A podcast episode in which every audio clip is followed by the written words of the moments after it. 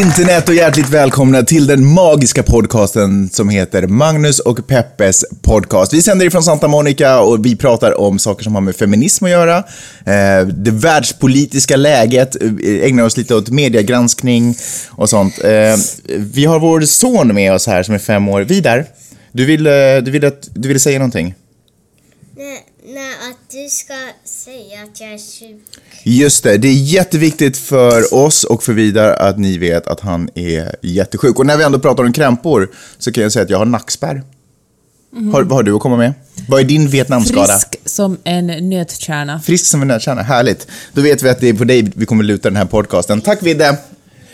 Ehm, vill du börja? Jag vill gärna börja. I veckan läste jag två stycken undersökningar om världens mest jämställda länder och världens lyckligaste länder. Och Finland, mitt fosterland, kom väldigt högt upp på båda de här listorna. Och bland annat Rwanda kom på sjätte plats. Jag väntar på båda listorna. Ja, både på Okej. lycklighets och jämställdhetslistorna. Och, men eh, det som var spännande var att Rwanda kom långt före USA på jämställdhetslistan. Och det här gjorde såklart många amerikanska tidningar rubriker av. För de tycker att det är helt galet att någonting så Alltså primitivt under- som så Rwanda kan komma före det här upplysta samhället. Förmodligen fortfarande arbetar med stenhackor. Ja, men precis. Och eh, då slog det mig hur svårt det är att eh, jämföra de här undersökningarna. I ärlighetens namn så gjordes de inte av samma organisation. Den ena gjordes av OECD, lycklighetsforskningen, och den andra gjordes av World Economic Forum. De kommer alltid varje år ut jag tror de båda kommer ut varje år med en lycklighetslista och en jämställdhetslista. Och eh, lycklighetslistan handlar om att eh, skolgång, eh, social trygghet, att man kan, liksom, kan få sjukvård för en, ett vettigt pris. Och att eh, trygghet, och så fick också folk själva säga att hur hälsosam, eller hur liksom friska de känner sig. Och ja, också om, om en någon slags eh, nätverk, att man har liksom någon, att man har någon slags ett socialt nätverk som kan ta hand om en. Och uh, jämställdhetslistan handlar om eh, hur många kvinnor som finns representerade i parlament och riksdagar, hur många kvinnor som jobbar versus som är hemma och uh, löneskillnader mellan kvinnor och män och, och väldigt tydliga variabler. Och då slog det mig att... att Men vadå, tycker du inte att de här lycklighetslistan var baserad på tydliga variabler?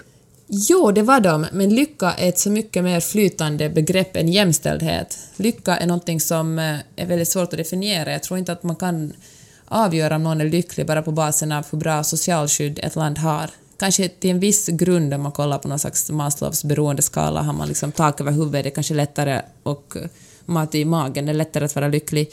Men om man tar det ett steg längre så... Men förlåt att jag avbryter dig nu, fast nu vänder det ju på... Det är inte det de säger. De säger ju att om vi definierar lycka utifrån hur förmågan man har att sätta mat på bordet, så då ser det ut så här. Ja, det är sant. Det är faktiskt sant. Men det har de inte skrivit i min egen definition. Okej. De sa bara, det här, så rubriken var egentligen bara det här är det här är de lyckligaste länderna i världen. Danmark vinner förresten alltid. Danmark är det lyckligaste landet i världen. Men då tänker jag på Finland där folk faktiskt är ganska olyckliga också. Jag menar, det är väldigt många finländare lider av depression till exempel. Jag tror att svenska YLE hade ett stort projekt nu där de gick igenom, liksom, folk fick berätta om sitt mm, psykiska illamående. Och eh, folk begår, vi har väldigt hög självmordsstatistik också i Finland. Väldigt hög alkoholism. Det finns väldigt mycket, vi toppar också i våld mot eh, familjevåld, alltså om jag när jag säger familjevåld menar jag män som slår kvinnor främst. Det finns, det- och eh, som inte fanns med på den här listan och som eh, knappast gör folk väldigt lyckliga. Och, och också om man liksom räknar med alla de här väldigt tydliga variablerna som uppenbarligen gör folk olyckliga så är, och fortfarande, så är lycka ett väldigt svårt begrepp att avgöra.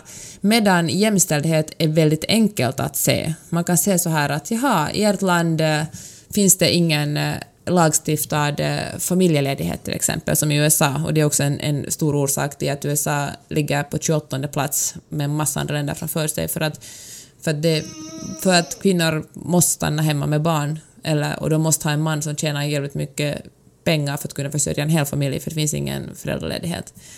Och, eh, men då tänker jag att eh, ofta uppfattas eh, jämställdhet och feminism som någonting något så här kvinnognäll, att kvinnorna bara gnäller fast de har det hur bra som helst och, och genusforskning uppfattas som någon slags Äh, ingen riktig forskning, som det inte finns det är liksom någonting, eh, någonting som man pysslar med, kvinnor göra liksom. när det inte alls är så. Alltså, de här variablerna som man undersöker hur jämställt ett land är, är väldigt enkla och tydliga. Det är bara att räkna. Det är liksom 1, 2, 3, 4, 5, så här många kvinnor finns det i riksdagen. Så här många pappor tar ut föräldraledighet. Så här, mycket, så här stort är lönegapet mellan kvinnor och män. Och då tänker jag också på det här om man tar det till mikro, mikronivå när folk säger att eh, nej, nej, alltså vi, i vår familj är vi jämställda på vårt eget sätt. För det finns någon slags status också, hög status i att säga att man lever i en, en jämställd familj. Men eh, det, det, existerar inte något sånt. Antingen är man jämställd eller så är man ojämställd. Man kan leva i en familj som är otroligt ojämställd och ändå vara nöjd med det. Men bara för att man är nöjd betyder inte att man är jämställd. Förstår du mm. vad jag menar? Liksom man kan säga och jag tror att det också att man säger sådär att, att eh, nej, nej, i vår familj råkar nu bara passa sig händelsevis bättre att jag tar ut hela föräldraledigheten som mamma medan min man har ett så viktigt jobb som han absolut inte kan stanna hemifrån. Men vi är ändå jämställda på vårt eget sätt och vem bryr sig om de här några månaderna i, eller åren som det ofta blir i Finland i mitt liv som mamma. Det är väl, vi, vi är jämställda på ett eh, speciellt sätt för vi älskar varandra. Men eh, tyvärr, ni kanske älskar varandra men eh, ni är inte jämställda. Och kanske, ni kanske är lyckliga till och med? Exakt. Men eh, därför vill jag slå ett slag för att jämställdhet är statistik. Det är väldigt lätt att mäta. Det är bara att räkna. Medan lycka är mycket svårare att eh, avgöra eftersom det är en väldigt mycket... Det är ingen... Okej, okay, nu vet jag hur jag ska säga det här. Lycka är en känsla, jämställdhet är ingen känsla. Mm, jag förstår. Jag tycker också att det är en, en ganska bra um, indikator på att när man till exempel har gjort, eh, framställt den här listan på jämställdhet så har man ju tittat på situationer då, hur ser det ut? Är det jämställdhet inom här, hur ser jämställdheten ut inom det här området, det här området och det här området? När man har gjort en, sammanställt en lista på vilka de, som är de lyckligaste länderna, eller personer som är, eller var de lyckligaste människorna bor, så verkar det inte som att man har frågat, hej, är du lycklig? Utan man har tittat på andra variabler. Du vet, hur ser välfärden ut? Hur ser mm. eh, du vet, sjukvård ut? Hur ser utbildning ut? Och så där. Ja, man kunde ju lika väl, i rimlighetens namn, om man ska göra en lista på var de lyckligaste människorna finns på jorden, så borde ju enda frågan ha varit, på en skala 1 till 10, hur lycklig är du? Mm. Och så har man frågat alla människor i landet. Mm. Och på så sätt kunna sammanställa. Fast jag undrar om det också finns någon status i att vara lycklig? Hur menar du? Att det finns... Att, och hur gynnar det här de som sammanställer listan? Det gynnar inte alls dem, men jag menar det att om det finns att det är på något sätt pinsamt att vara olycklig. Jag vet Ja, inte. du menar att man inte skulle ha svarat ärligt på en Nej, sån precis. fråga? precis. Och det är därför som man har valt att kolla på att de här, ni har, ni har så bra utbildning, hälsovård och uh, vad fan man annat har räknat, så ni borde ni borde vara lyckliga. Mm. Men frågar man folk... Så, lista, så listan borde egentligen heta länder som rimligtvis borde vara lyckliga? Exakt. Och där eh, rankas eh, Finland på fjärde plats? Precis. Ja. Och det är ju faktiskt sant, så, skulle man egentligen, så borde man egentligen se det. Ja. Ja. Ibland så tänker jag på hur, hur jag menar, jag känner ju väldigt mycket lyckliga människor i Finland också. Eh, men sen så det, finns det ju en kulturell ett kulturellt beteende som inte nödvändigtvis tillåter folk att spring, skutta omkring mm. på gator, utan man håller en lite lågare ja, approach. Sant. Det Men, finns ju till och med ett finskt ordspråk som säger att den som lyckan har, han ska lyckan, hen ska lyckan gömma. Är det så? Ja. ja. Och då är det ju klart att då är det svårt att sammanställa en lista på lyckliga människor om folk, inte, om folk är liksom oärliga åt andra hållet också. Mm. Eh, men intressant, ja. En, eh, nu går vi vidare lite kanske, men en av mina goda vänner, Linn Ljung, skrev på sin blogg att hon alltid tar ut... Mammas got the magic. Hon alltid tar ut lyckan i eh, förväg. Och det gör väl lite du också? Ja, absolut. Det tycker jag är en av våra mänskliga rättigheter. Jag tycker att det är det som skiljer oss från djuren egentligen faktiskt, att vi kan, vi kan ta ut lyckan i förskott. I, för, du, vill, du vill inte säga något mer om det, du ville bara säga det? Nej, jag ville höra dig prata om det, för jag vet att det är också okay. ditt motto. Yes! Äntligen får jag prata. Jo, därför att jag tycker att det är det är ju fantastiskt, för okej, okay, så här ser jag på det. Om, om någonting, om man sitter och funderar på ett framtida skeende, hur, vad, vad kommer utkomsten vara av det? Eh, så, så i verkligheten så kanske det blev så som man ville, eller så blev det inte så som man ville. Eh, det som händer innan är ju att jag har med min hjärna förmågan att skapa liksom eh, spela upp de här olika scenarierna i mitt huvud, föreställa mig hur det skulle kunna gå. Och genom att föreställa mig den positiva vägen så har jag liksom jag vet inte om jag delar det här med andra, men jag har lite förmågan att känna den glädjen mm. som jag förhoppningsvis också kommer känna i framtiden. Alltså ta ut segern mm. i förskott helt enkelt. Eh, och det som är fantastiskt med det är att då har jag redan, genom att göra det, så har jag känt den här fantastiska känslan som jag då också förhoppningsvis kommer få känna i framtiden. Eh, men jag har fått känna den en gång. Och om det, om det de facto blir på det sättet, att det blev så som jag ville, så har jag fått känna det här, så har jag fått känna det här två gånger. Men om det inte blev så som jag ville, så har jag åtminstone känt det en gång. Förstår du vad jag menar? Mm. Och sen så kanske det kom någon negativ känsla eh, i och med att det inte blev så som jag ville. Men så där är det i livet. Det kommer negativa saker och det kommer positiva saker. Mm. Men åtminstone genom att ta ut segern i förskott så har jag kunnat glädjas åt det en gång. Jag tänker ofta på det där när jag skrev min blogg för att eh, det är mycket intressantare att läsa bloggar om folk som har någon svärta som är lite olyckliga. Och folk, alltså, olyckliga människor är intressanta människor. Lyckliga människor är inte lika Nej, men är, intressanta är det där sant? Är det, stämmer det där? Eller alltså, är det där ett tycker- mantra som man kan säga tillräckligt mycket för att det ska bli sant? Alltså vet, så tycker jag faktiskt jag. Jag tycker det är lite intressantare att läsa om folk som går igenom någonting svårt än att läsa om lalande Var, varför är det så lyckliga- intressant? Jag, jag vet, det är någonting med liksom skuggan i... Det är någonting med skuggorna, någonting med mörkret som jag tycker är intressant. vet du vad jag tror? Jag tror att det där handlar om vår... Vi har inte lärt oss att analysera positiva saker. Vi har bara lärt oss att gräva i negativa saker. Och därför så upplever vi att vi har mer att lära av negativa händelser än vi har av positiva händelser. Jag tror att om vi skulle vara bättre på att ta ut till exempel lycka i förskott och se och fundera på vad det gör med oss och varför det här just gör oss lyckliga så tror jag att det skulle vara lika uppfyllande och intressant att vara med om positiva saker och lyssna på människors positiva... Och faktum är ju att framgångssagor är ju också nog superintressant och storsäljare. Det vill man ju veta. Hur gjorde du för att nå lyckan och framgången? Men det är klart att den... Men den kan ju komma med svärta, den Ja, men så det- historien. livet är ju alltid dalar och liksom bergar och Men dalar. jag... du vet vad jag Berg och dalbana. Ja. Nej, men det går ju upp och ner i livet. Herregud så analytiskt, Magnus. Men nej, för jag tänker så här att jag är ganska, jag är faktiskt, jag är en ganska lycklig människa och nu när vi dessutom bor här och solen skiner och delfinerna hoppar i Stilla havet och jag dricker vin var och varannan kväll, det, känner jag mig jäkligt lycklig hela tiden. Men jag känner mig Jag tycker också... det är ledsamt att du kopplar ihop lycka med alkohol direkt. Jag tycker att de är två separata saker. Jag tycker också att eh, vad man ska dricka Koskenkorva och gråta. Jag tycker också att lycka ger en bild av en grundmänniska. Att det finns någonting, att man uppfattar människor som är olyckliga som djupare och har liksom förstått mer av världen. De är liksom konstnärer och de har... eh, Ja, men handlar det inte om just att det finns kulturell Ja, idé om att det. man funderar mer om man har liksom pannan i väck? Och då känner jag mig ofta, jag får liksom ofta en lust, som till exempel nu, att förklara att jag är inte hjärndöd trots att jag är lycklig. Förstår du vem jag Ja, menar? jag förstår. Och, eh, men fan, jag ska fundera mer på det med att man kan lära sig att analysera lycka också. Att göra det till en intressant sak.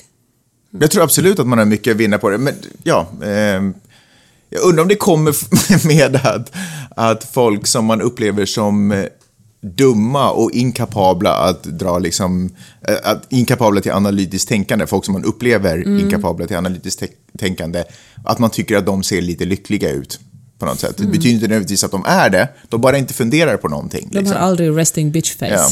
Jag tror att det är, det, det är många saker som har gjort att man liksom har dragit fel slutsatser av olyckas betydelse och lyckas betydelse. Och egentligen så är det ju inte...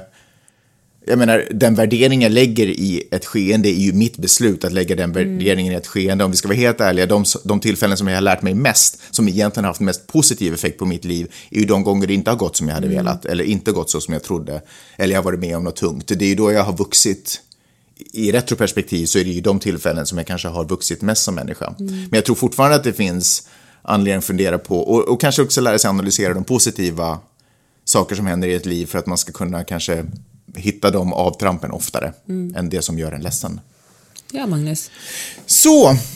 Får. Jag, får jag ta upp, eh, får jag ta upp genom, genomforskning Ja, som ett det litet du. ämne? Heter det så? Genomforskning? Ja, det kan ju inte heta genusforskning där i alla fall. Mm. Eh, det är så att vi, igår, igår så hängde vi med eh, några kompisar som bor uppe i San Francisco och eh, snubben i, i den familjen, ma- mannen, pappan i den familjen, han jobbar som han jobbar alltså med genforskning helt enkelt. Han, jag vet Han har inte- ett startup inom han har en startup, jag vet inte exakt, jag vet inte på... Det är någonting med det här eh, som handlar om att kunna en, en service som kan hjälper, eh, gör det billigare att kartlägga folks genom helt enkelt. Naturligtvis i, i hopp om, i dagsläget i hopp om att hitta eh, lokalisera sjukdomar, ärftliga sjukdomar, vad kan man undvika och vad kan man inte Mm. undvika och på något sätt försöka få mer Där ska två personer inte göra ett barn tillsammans för de har båda såna gener som kan göra barnet sjukt. Exakt, och det här som jag tänker säga nu är ju liksom inte, eller det var bara en, en feeling jag fick. Jag kände att jag står, jag fick möjlighet att ställa mig vid det som egentligen är ganska mycket spjutspetsen av en, en ny framtid, egentligen. Du vet, de här, det finns ju massvis med filmer, en bland annat med Jude Law där han, jag tror att han hjälper en snubbe som har fötts, vi lever i en framtid då man totalt kan kartlägga Eh, par bildas inte utan att ha gått till en sån här typ ärkiskas eh, eller Pressbyrås genombank och så kollar de om de är kompatibla. Så bara, nej men sorry, vi är inte kompatibla så att jag går och träffar någon annan snubbe. Eh, redan som barn så kartläggs man, i den, kartläggs man i den här filmen om vad man kan göra, vad man kan jobba med och vem man blir som människa. Och jag känner att när, när jag lyssnade på vad han jobbade med utan att egentligen förstå exakt vad det handlade om så kände jag att shit, jag står verkligen nu och lyssnar på någon som är i in the forefront liksom, av den här utvecklingen som i typ övermorgon kommer publicera eh, en pressrelease där det står okej, nu är det möjligt för var och en att få reda på när vi kommer dö, vilken sjukdom vi kommer dö i, vad vi har för fysiska möjligheter att göra ditten eller datten och alltihopa. Och det var, det var fascinerande att höra honom prata och berätta om det här därför att naturligtvis så eh, brinner det ju i hans ögon för han inser ju säkert också att han befinner sig just på den platsen. Eh, och i, i liksom utvecklingen, tekniska utvecklingen. Och, och det är ju otroligt intressant och inspirerande att prata med en sån människa. Men det som jag också slogs av är hans totala... Eh, hans totala... Att han i, vägran att liksom se nackdelarna med det här. Och jag tycker att det är ju det vackra i mänskligheten egentligen, att vi är, mänskligheten är fylld av en massa nördar på sitt område som bara helt blint rusar åt ett visst håll och så naturligtvis så finns det massa pessimister på andra sidan som försöker dra tillbaka och klaga. Jag menar, och det är positivt att bromsa så att vi inte springer allt för hårt in i olika sorters väggar och sådär, att vi, att vi har den här symbiosen. Men bara hur, hur man kan vara så blind, man står inför så stor revolution och man är så blind för nackdelarna. Han tror naturligtvis att han bara jobbar för att vi ska inte ska dö lika mycket i fruktansvärda sjukdomar eller födas med lika mycket eh, tunga arvsanlag som kommer plåga oss och våra nära och käras liv. Det tror ju han, men samtidigt så kan jag ju också se hur vi helt plötsligt blir olika sorters människor. Det finns de som kommer vara eh, friska och då tänker jag också bättre människor och det finns de i framtiden som kommer vara sjuka, hens och sämre människor. Fast det är inte hans uppgift som forskare att bara föra Och han är läkare vidare. alltså då? Ja. Liksom. Jo, jo, men det är ju hans det, uppgift. han kan liksom kanske Nej, jag inte... vet. Ska forskare också vara, fundera på de här etiska frågorna, eller är det någon annan som ska göra det medan de bara gör their thing? Liksom? Nej, jag tycker inte att forskare ska fundera på de etiska... Eller jo, jag tycker att man alltid om man håller på med laddat vapen ska fundera på den etiska, liksom, etiska aspekten i det. Men jag tycker naturligtvis att det är ju hans uppgift att se hur långt man kan driva forskning och, och ge, oss, ge, mäns, ge mänskligheten mer kunskap naturligtvis. Det som är hemskt är ju det kapitalistiska systemet vi lever i där allting ska paketeras i saker som går att sälja och som, jag menar, Men det här blev ju förbjudet. Det fanns den här 23andMe som kom för 5, 6, 7 år sedan som handlar om exakt samma sak, det som vi talade om igår på middagen var på som eh, kunde kartlägga där man discover you eller we tell everything about you eller något sånt, the history of you eller något sånt heter det paketet, man kan köpa det för 200 dollar. Men det blev förbjudet då eftersom det uppstod panik när folk började få reda på att de kommer att drabbas av, med största sannolikhet kommer att drabbas av uh, Alzheimers eller andra sjukdomar och det blev ju liksom uh, det ansågs vara oetiskt att låta privatpersoner ta reda på sina egna arvsanlag.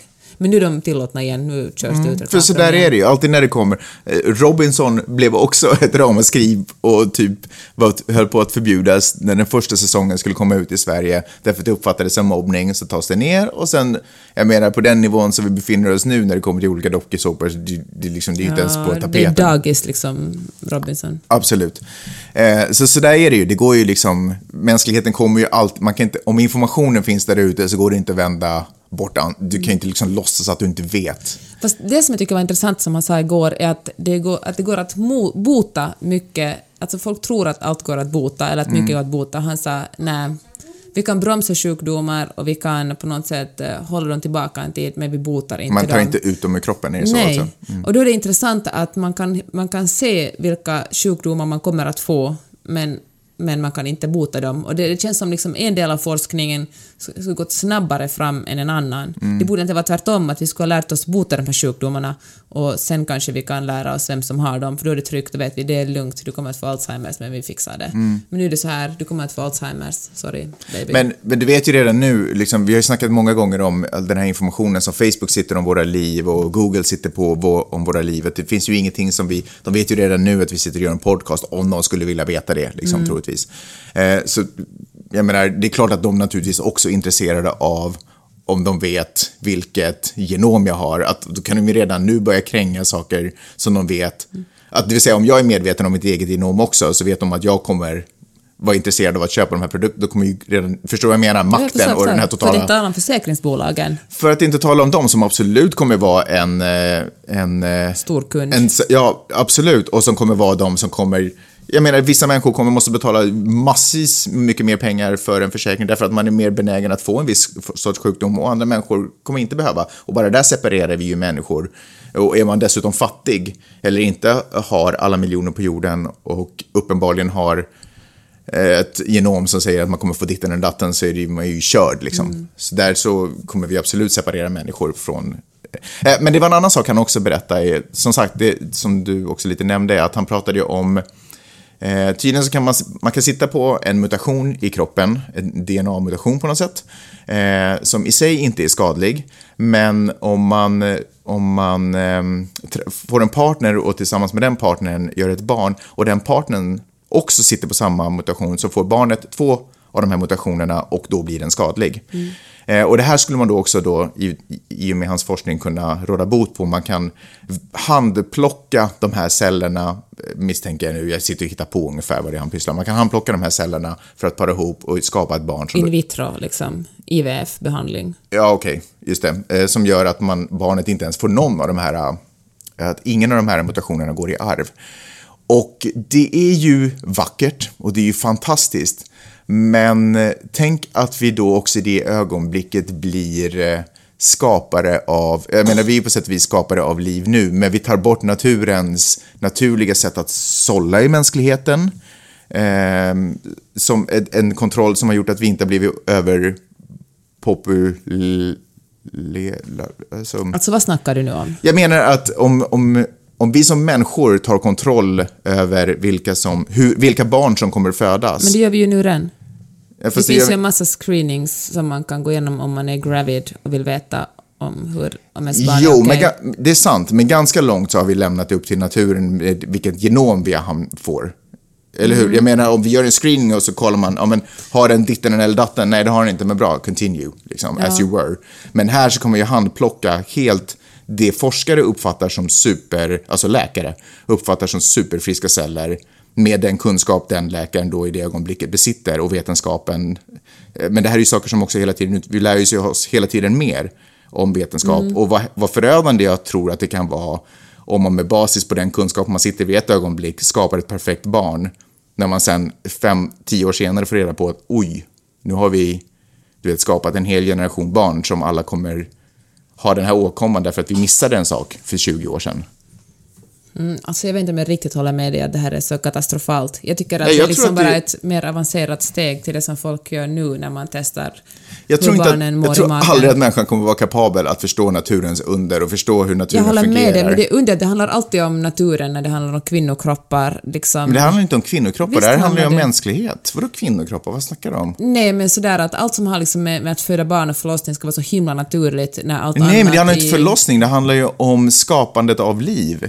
Ja, men det handlar, det handlar ju mycket om kvinnokroppen. Jag tycker det är klart man vill liksom... Hur ser du kvinnokroppen? Men, men jag tänker på så här att folk, folk väljer... Men även fast det här sker i ett laboratorium och vi tar bort oss som Ja. människor, så vad, det är ju fortfarande skapande av Jag menar, jag, jag menar, jag är helt för att man tar en, eller jag har ingenting problem med att man tar en spermie och så tar man ett ägg och sätter ihop dem i ett laboratorium. Det är inte det. Mitt problem är ju när man med sin eh, aktuella kunskap väljer vilka av de här spermierna eller som... Så du stör dig jättemycket på folk som går på fostervattensprov? Men förstås inte. Det, förstås Men det är inte. exakt det man gör då. Man lägger sig inte i på, ex, på den här nivån som vi pratar om. Det är ju en revolution nog. Vi- På vilket sätt lägger man sig inte i? Men tvärtom gör man väl det mer specifikt? Alltså Men mer är du noggrant. dum i huvudet? Fattar du inte? Du, Själv är du dum. Nej, men vi snackar ju om att det är en helt annan nivå av att petande. Han, han pratade ju inte om att... Eh, han pratade ju om att helt... Att kunna med allting i åtanke, inte bara med vissa, vissa saker som vi redan nu vet att man kan få, jag vet inte vad det är ens man kan kolla i fostervattnet, men han, han pratar ju om med allting i åtanke välja de helt perfekta cellerna.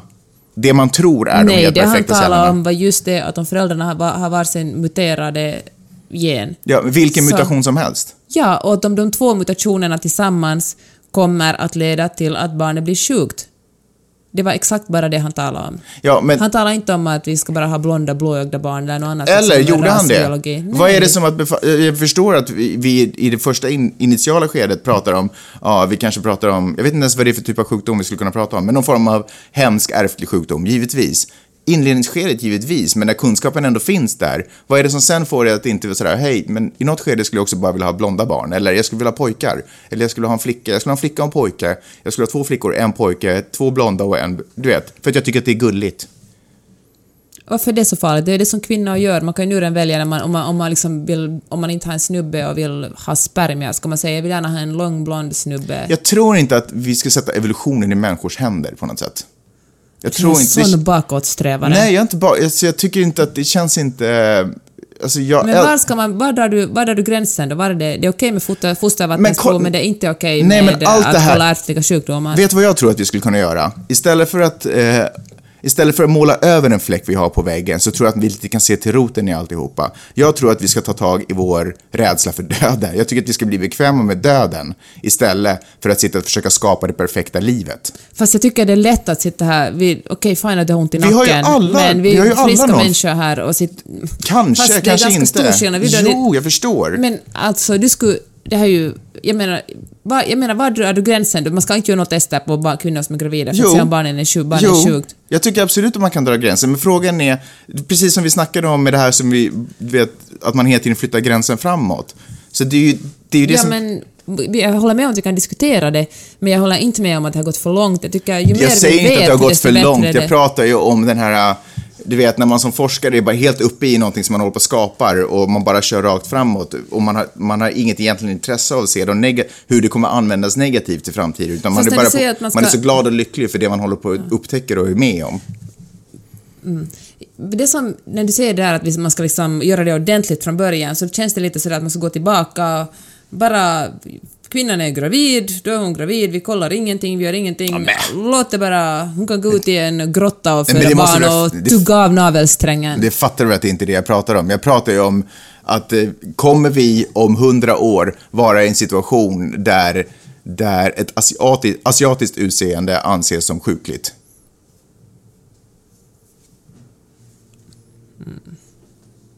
Varför inte? När vi redan har botat alla andra sjukdomar, så vad är då kvar?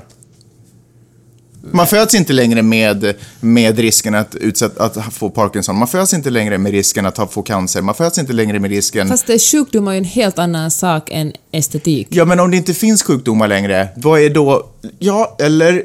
Eller? Ja, kanske. Eller? Men, men vad borde vi göra Ja. då? Stoppa forskningen? Nej. Nej, men man borde hela tiden ha en dialog och en diskussion om var... var hur, Om människovärde?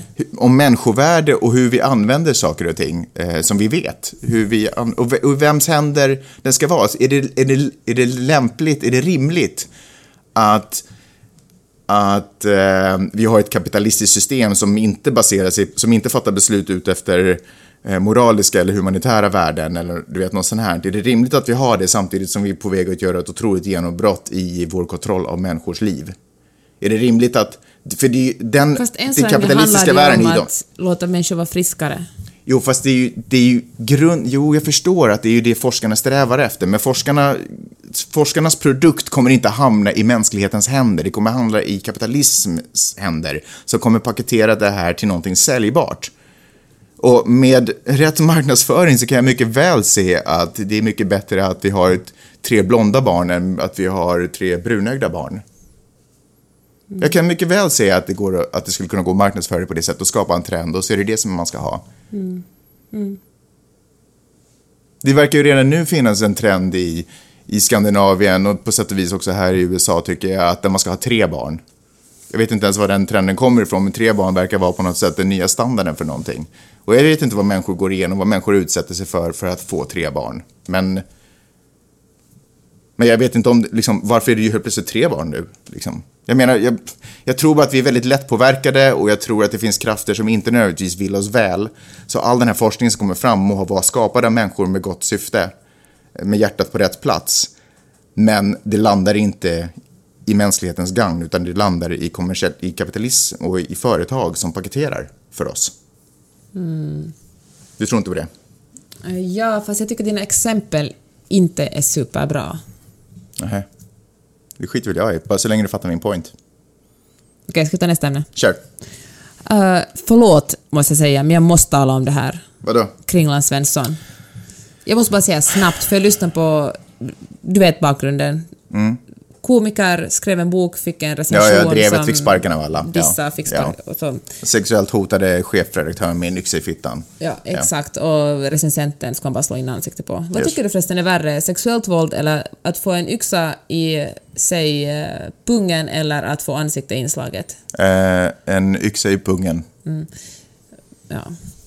Jag tycker också låter värre att få en yxa i fittan än att få ansikte inslaget. Anyway, det är kanske bara våra personliga åsikter. Men eh, i alla fall han har gjort en, en podcast som eh, jag lyssnar på som heter, nu jag gör reklam för den nu, för han heter Magistern, där han snackar med någon äldre kultursnubbe som heter Nilsson i efternamn, Svensson Nilsson, där han eh, snackar hela, i en timme, eller fan, jag har bara lyssnat 45 minuter, men om tre kvart har han bara snackat om hur han var full, sa en dum sak och hur hela drevet är efter honom. Och fine, det, alltså inte hans egen podcast, eller för detta egen podcast, utan, utan mediedrevet. Ja, ja. men exakt. Och, eh, och då kommer jag tänka på några saker. För det första, hur sjukt ointressant det är att lyssna på en podcast där båda typerna tycker samma sak. För nu den här gamla Då borde kultursnubben... den här podcasten vara superintressant. när den gamla kultursnubben hejar på honom och berättar hur dumt drevet är Mm. och han själv förklarar sig ”Åh, jag var full, Åh, det, jag kände det här och kände det där” och, och liksom han verkar inte ångra sig så hemskt mycket utan det är mest så där han gjorde en dum sak på fyllan. Och så säger han helt enkelt så här den här kringlan då, att ehm, ja, ni vill absolut inte att ni ska tycka synd om mig och sen förklaring, förklaring, förklaring, förklaring, förklaring. Anyway, då kommer jag att tänka på det här att så här fungerar ju liksom eh, både gammal media och ny media. Först ska, först äh, blir no, se, gör någonting något dumt och så och då, avvaktar folk lite. Hur dumt var det här? Var det jättedumt? Eller var det bara dumt så att det kommer att gå förbi? Så bestämmer sig någon, en krönikör och säger fan, det här var för, det här var dumt, det här var för dumt, jag skriver en krönika om det. Och så får den här personen som gjort något dumt en massa skit. Då följer folk på, för då är det liksom accepterat att tycka att han gjorde något dumt, eller hon. Och då skriver alla krönikor och tweetar och facebookar om hur dum den här Och typen var. sponsorer drar sig ur och allt Ja, men möjligt. precis. Ja. Då är liksom accepterat att tycka det. Men eftersom social media och media fungerar så här att man måste alltid tycka, man måste alltid komma med den fräscha nya åsikten, så kommer någon snart att Ställa sig bakom honom. Exakt. Och säga enough is enough, killarna Ex- lider tillräckligt. Nej men exakt, varför ska han göra som syndabock? Det finns faktiskt en massa andra dummisar också i världen. Och då får han tillbaka sina sponsorer Ja. och han får tillbaka... Exakt, för då har liksom pendeln svängt. Och, eh, och sen kommer någon igen att säga Wait a minute, för det måste alltid finnas någon som kommer med en ny fräsch åsikt. och det handlar liksom mindre Och om... egentligen är det inte fräschare än det var för, Nej, för men förra gången. Exakt, men det är bara motsatt åsikt. Mm. För, och så går det fram och tillbaka så här.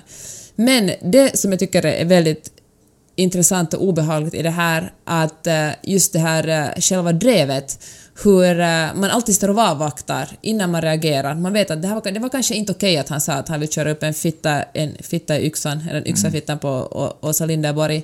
Men man säger ingenting för det, han har ett ganska högt status. Komikermän har ju jävligt hög status. Inte nog med att de är män, de är också roliga. Och det finns mycket, om man är satiriker, humorman och kulturman dessutom har man mycket mer utrymme att säga och göra saker än vanliga människor. Och då fanns det en chans Jag tror att, att du kan hålla dig till fakta utan att raljera, men vi fattar alla vad du menar. Och då fanns det en liten möjlighet att han skulle kanske klara sig genom det här. Och då vill man ju inte komma på dålig fot med honom, för man vet ju hur han är. Så då väntar alla tills någon vågar ta det första steget och säga “What the hell, vad fan sa du riktigt? Är du dum i huvudet eller?” Och när den här första stenen är kastad, då kan drevet hänga på och vara sådär “Du är dum, du är dum”. Vilket han faktiskt är, jag vill inte försvara honom på något sätt. Men jag tycker att den här fegheten är så jävla obehaglig. Det är samma feghet som när någon, man sitter runt ett middagsbord och så säger någon någonting jätterasistiskt och uh, så säger man sådär “Kom igen”. Man liksom konfronterar den här rasisten och säger det där som du sa var jävligt fult. Och uh, då, vill ingen, då vågar folk inte riktigt stå upp bredvid en för de vill inte skapa dålig stämning men efteråt kommer de fram och säger sådär “Fan det var bra att du sa det där, jag är på din sida”. Så jävla fegt. När, när man behöver stödet är när man står upp och säger emot någon. Inte efteråt när man har liksom på något sätt gjort väg. Förstår du? Jag förstår mycket väl. Och äh, ja, då tycker jag liksom att, att ja, jag vet inte hur många veckor eller dagar det, det tar tills äh, Kringlan Svensson är med i, i matchen igen. Mm. Jag tror att det här också handlar om eh, öppenhet i kommunikation på något sätt. Därför att jag tror att, eh, jag tror att många har stört sig på, eh, på den här eh, Kringlan. Skönt smeknamn. Anyway, jag tror att många har stört sig på honom, eh, men tänkt att de har varit ensamma i det. Eh, och i och med att han verkar uppskattad på alla andra håll så tänker man så här, nej men shit, det är nog bara jag som har eh, sned uppfattning och det här har blivit lite tokigt i vår kommunikation och liknande. Men sen som när man helt plötsligt hör någon annan som öppnar sig och bara, men shit, det där är ju värdelöst, och bara, va? Jag var inte ensam. Och då släpper det liksom för alla. Så jag tror att det kan vara en kombination av flera saker. Men framförallt så tycker jag att det är ju jätteviktigt att man vågar, i det ögonblicket någonting sker, vågar stå upp. Eh, jag tror att om man skulle våga göra det i det ögonblicket så då kommer man inte då kommer man inte heller ha de här dreven, för de är ju just, uppstår ju just på grund av att... Alltså upp, mycket man känner- uppdämd eh, frustration. Ja, det kan Man vara en vågar- uppdämd, uppdämd, uppdämd frustration. Jag tror också att det kan finnas en trend i att man känner att man vill passa på att profilera sig själv genom att haka på ett drev. Man vill Ja, vara en av dem som syns i den här massan, du vet. Man går på den här demonstrationen därför att man vill synas snarare än att man kanske står för åsikten, liksom, för att det sitter bra i ens profil. Liksom. Och sen, sen tycker jag att eh, det kan ju mycket väl... Alltså han har ju säkert gjort bra saker. Han har säkert varit svinrolig många gånger och uh, skrivit bra böcker förut och det ena och det andra. Men det är heller ingen ursäkt, det håller han på och pratar om i den här podden, hur bra han är egentligen. Men att man har gjort bra saker förut eller är snäll mot kattungar betyder inte som någon slags skydd mot att man inte kan säga vidriga saker och, och uh, få stå till svars för de sakerna.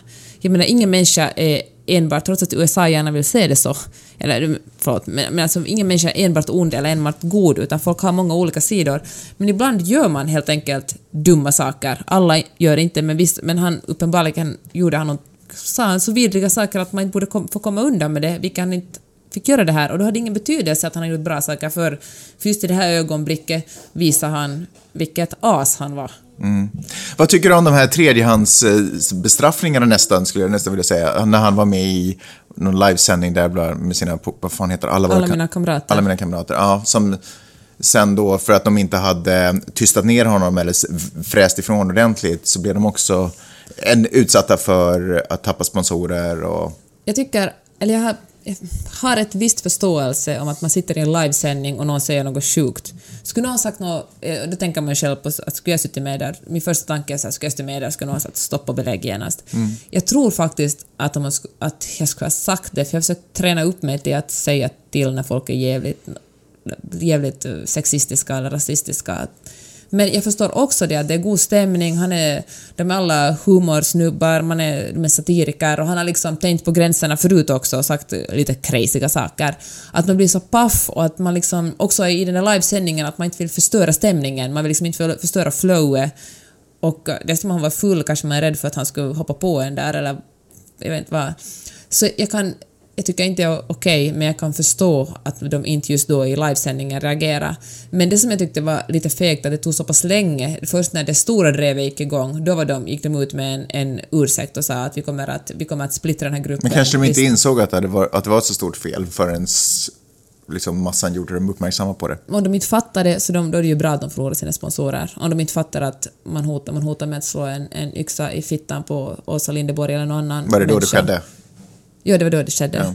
Så du menar jag att om man inte förstår att det är ett övertramp utan måste vänta till att liksom en massa andra människor informerar det för en så är det kanske bra att man förlorar sina sponsorer. Då har Sen- man inga omdöme. Sen så tycker jag att det, är, det här tycker jag också är lite sådär, eh, du vet alla har en podcast nu, eh, men de flesta har, eller liksom folk har det bara för att det är liksom coolt, det är rätt och det är ett sätt att dra in lite pengar och det är ett sätt för företag att synas i samband med du vet, att coola och populära människor syns. Men ingen har ju, har ju tagit ett etiskt ansvar, ingen har liksom funderat på vad som är, hur man gör hur, vilken, hur man borde till... Liksom, om man har, ingen tar ansvar för det man gör. Han, om det nu var så att, det, att han, eh, som det sägs, att Kringla var full i den sändningen.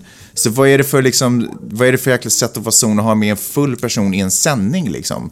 Då, då gör, det gör man ju inte. Liksom. Man har inte med en berusad människa i sändning. Nej. Det fattar ju alla. Liksom. Eh, vilket fall som helst så... eh, Jag vet ju att att jag själv har suttit i en sändning med, eh, jag satt med Petski någon gång och så gjorde vi någon intervju. Och så, så säger den här, så helt plötsligt så säger den här personen som vi intervjuade, jag tror att det var någon taxichaffis och vi snackade om jobbiga kunder typ. Och, finns, och så var vi så här, finns det någon som du inte skulle släppa in i din bil liksom, eller någon sådär så du ser på gatan? Och då helt plötsligt bara droppar han typ, jag vet inte om han sa romer eller om han pekar ut någon annan grupp och det bara så wow! Men det som, är, det, som är, alltså, det som var fruktansvärt för mig är för att jag också vill se mig själv som en människa som säger ifrån när jag ser och hör, var att jag blev, jag blev liksom stund av det. Jag var som rådjuret liksom, som bara frös på vägen när den ser strålkastarna komma. Petski var den som sa ifrån, han var så här, men det där är ju rasistiskt liksom. Så där kan du inte säga, fattar du väl? Liksom. Eller, eller, jag vet inte hur han sa det, han sa det säkert inte på det sättet, han sa det säkert på ett vettigare sätt. Eh, men jag, jag blev stand. Och då insåg jag att det, det är inte bara sådär att sitta i en sändning och reagera på allting som händer. För att ibland så kommer saker och ting från ett håll man inte ens såg komma. Man, man, och speciellt om man gör det med en kompis, man litar på personens omdöme redan från början någonstans. Eh, och sen så slänger personen ur sig någonting. Det är supersvårt att ha den Men sinnesnärvaron. talar ni om det efteråt då? Vi snackade absolut om det efteråt eh, och eh, jag minns inte riktigt hur vi behandlade den situationen sen, men vi gjorde någonting åt den saken. Jag tror att vi kommenterade det på något sätt i efterhand. Men, eh, och speciellt om man då sitter och gör en podcast och annars inte heller är nödvändigtvis intresserad av etik och moral när det kommer till ansvaret man känner inför sina lyssnare, utan man bara gör en cool podcast som ska ha lyssnare. Eh, så, så då förstår jag att man absolut blir dumbstunned om någon säger någonting och att man inte reagerar på, naturligtvis, på det kanske det hetaste och bäst- bästa sättet. Sen att, att eh, Åhléns som var deras huvudsponsorer drar sig ur, de har ju naturligtvis ett intresse av att inte synas. Du vet hur litet det än är, så jag vet inte så här, åh, dåligt och fegt av dem att dra sig ut. Kanske, men de har ett helt annat ekonomiskt intresse. Liksom. De skiter ju i vilka de sponsrar, de vill ju bara sponsra rätt saker. Sen på tal om podcaster så tycker jag att det är så, den här Kringlands nya podcast är så, var så vidrig. Jag fick så, det var så vidrigt eftersom han inte verkar fatta att nu är det tid att bara säga förlåt och hålla käft.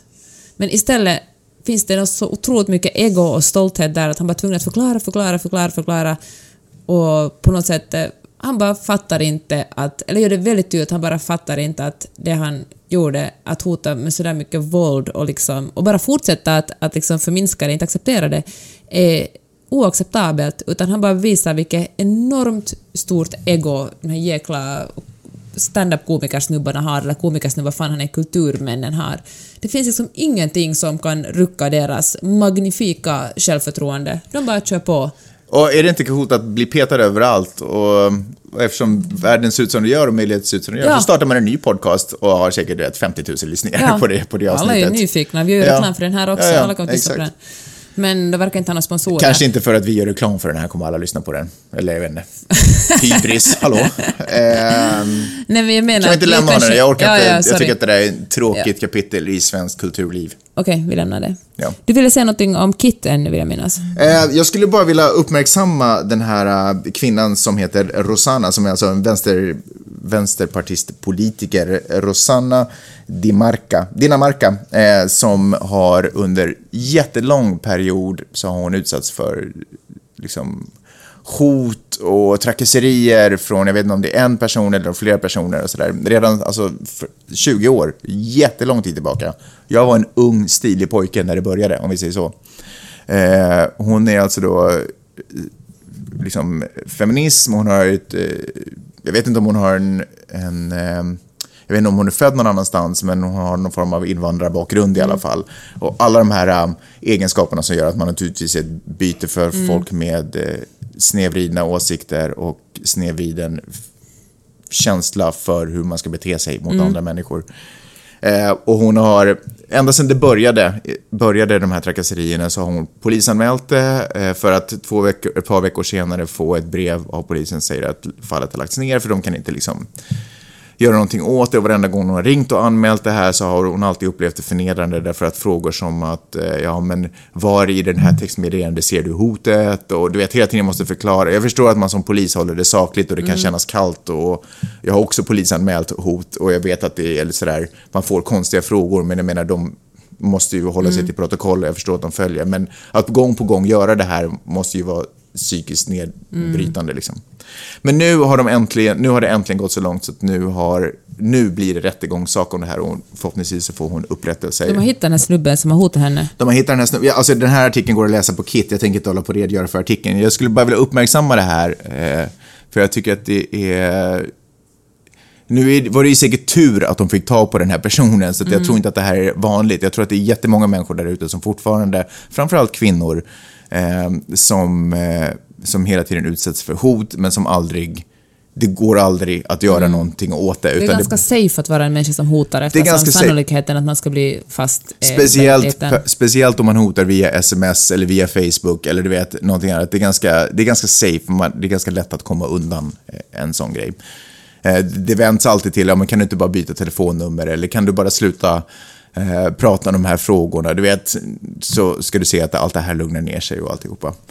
Ehm, så, ehm, ja, jag vet inte. Jag skulle bara på något sätt, jag ville uppmärksamma det och jag ville, jag hoppas att människor som utsätts för den här vidriga saker inte ger upp, och att de fortsätter hålla kvar sina egna fötter på jorden, vet att de gör, finner en trygghet och styrka i att de gör bra saker för en för att vi alla ska få kunna leva i en bättre värld och förhoppningsvis så, så får du ett systemet tag på de här människorna och dömer dem. Liksom. Mm. Jag, vet jag, hoppas, jag hoppas bara att folk orkar vara starka. Det, det är säkert... Jag hoppas att folk slutar hota och förfölja andra människor. No, absolut, givetvis är det det jag först och främst hoppas, men eh, jag, jag tror, eller det är så fruktansvärt tungt att gå igenom och att gå omkring och vara rädd. Liksom. Även fast man förstår att det kanske är galningar på en nivå så, så, är man ju en, så finns det ändå liksom det här äh, fröet av rädsla i en som man aldrig, ett mörker av rädsla mm. i en som aldrig går undan. Att man, bara att vara rädd är jäkligt mm. tungt. Eh, och det är, jag hoppas att, de, att ni som är med om sådana saker bara orkar stå ut trots det. Och att man inte låter räds, äh, andra människor begränsa en. Fast jag vet inte. Äh, jag säger ingenting som är vettigt och bra, jag ville bara uppmärksamma det. Mm. Jag tycker att det är fantastiskt. Det måste vara otroligt att den här personen äntligen har åkt fast. Eh, men ni kan läsa den här artikeln själva på Kit, så har ni. Det var det allt vi hade att bjuda på idag. Eller? Jo, det var allt. Varför säger du ingenting för, människa? Jag tänkte så mycket på det där som du sa, jag, förlåt, jag, om att hon har fan blivit hotad i fucking 20 år. Mm. Fattar, det är ju liksom säkert halva hennes livstid så vidrigt. Vad fan är det för värld vi lever i där liksom och någon håller på, alltså en snubbe då håller på och jagar en kvinna. Mm. Och det, som han har uppenbarligen gjort i sin livsstil. Mm. Att, hon är säkert inte den enda heller, eller vad Nej. vet jag? Nej, för det var ju därför de hade fått ja. fast honom tror jag, för att det, han hade ju ägnat sig åt sådana här med flera andra, flera andra människor också. Ja. Men jag kommer ihåg när jag gick till polisstationen, efter att jag hade ringt då, så gick jag in till polisstationen och skulle göra en anmälan för att jag hade blivit hotad. Var, det var ju väldigt länge sedan. Eh, och så hade jag en keps på mig och då började polisen fråga mig om kepsen. Om det var liksom på något sätt fanns något, om det fanns något Alltså om hoten hade någon form av anknytning till, jag hade väl en keps där det stod, jag vet inte om det var en Malcolm X-keps på mig mm. eller om det stod Southside eller något annat tufft som jag vill ha på mig. Och jag förstår att man, att man får den frågan. Jag skulle kunna vara med i något gäng, du vet, kanske. Mm, mm. Men jag tycker också det är intressant att om någon kommer och vill och, och rapporterar ett hot så börjar, så får man motfrågor Mm. om vilken, vilka kläder man har satt på sig för tillfället. Det är liksom så, kon, det har ju, Mm. det är så underligt, men any fucking who. Ehm, det var allt vi hade att bjuda på den här Det veckan. var det. Tack Ja. Magnus för den här lilla pratstunden med dig. Tack Jeanette Marie Öhman, det var superroligt. Jag tycker att vi hörs nästa vecka. Och tills dess så skulle jag vilja säga, det var någonting som jag alltid vill påminna om eh, varenda, i slutet på varenda sändning, men jag gör jag vill i alla fall påminna om att det är jättekul om ni går in och skriver en recension. Ni får jättegärna göra det på iTunes, det är naturligtvis superroligt. Jättekul att så många människor från Stockholm har börjat lyssna på den här podcasten. Ja, hej Stockholm! Hejsan Stockholm! Eh, skriv, gå in gärna på iTunes och skriv en recension, skriv gärna en kommentar, ge några stjärnor, ni vet, ni vet the procedure. Eh, vi finns på Twitter och eh, framförallt, Magnus S. Uchman och Peppe Uchman. och framförallt så finns vi i era öron nästa vecka. Tack så Hej då, mycket! sköt om er! Hej!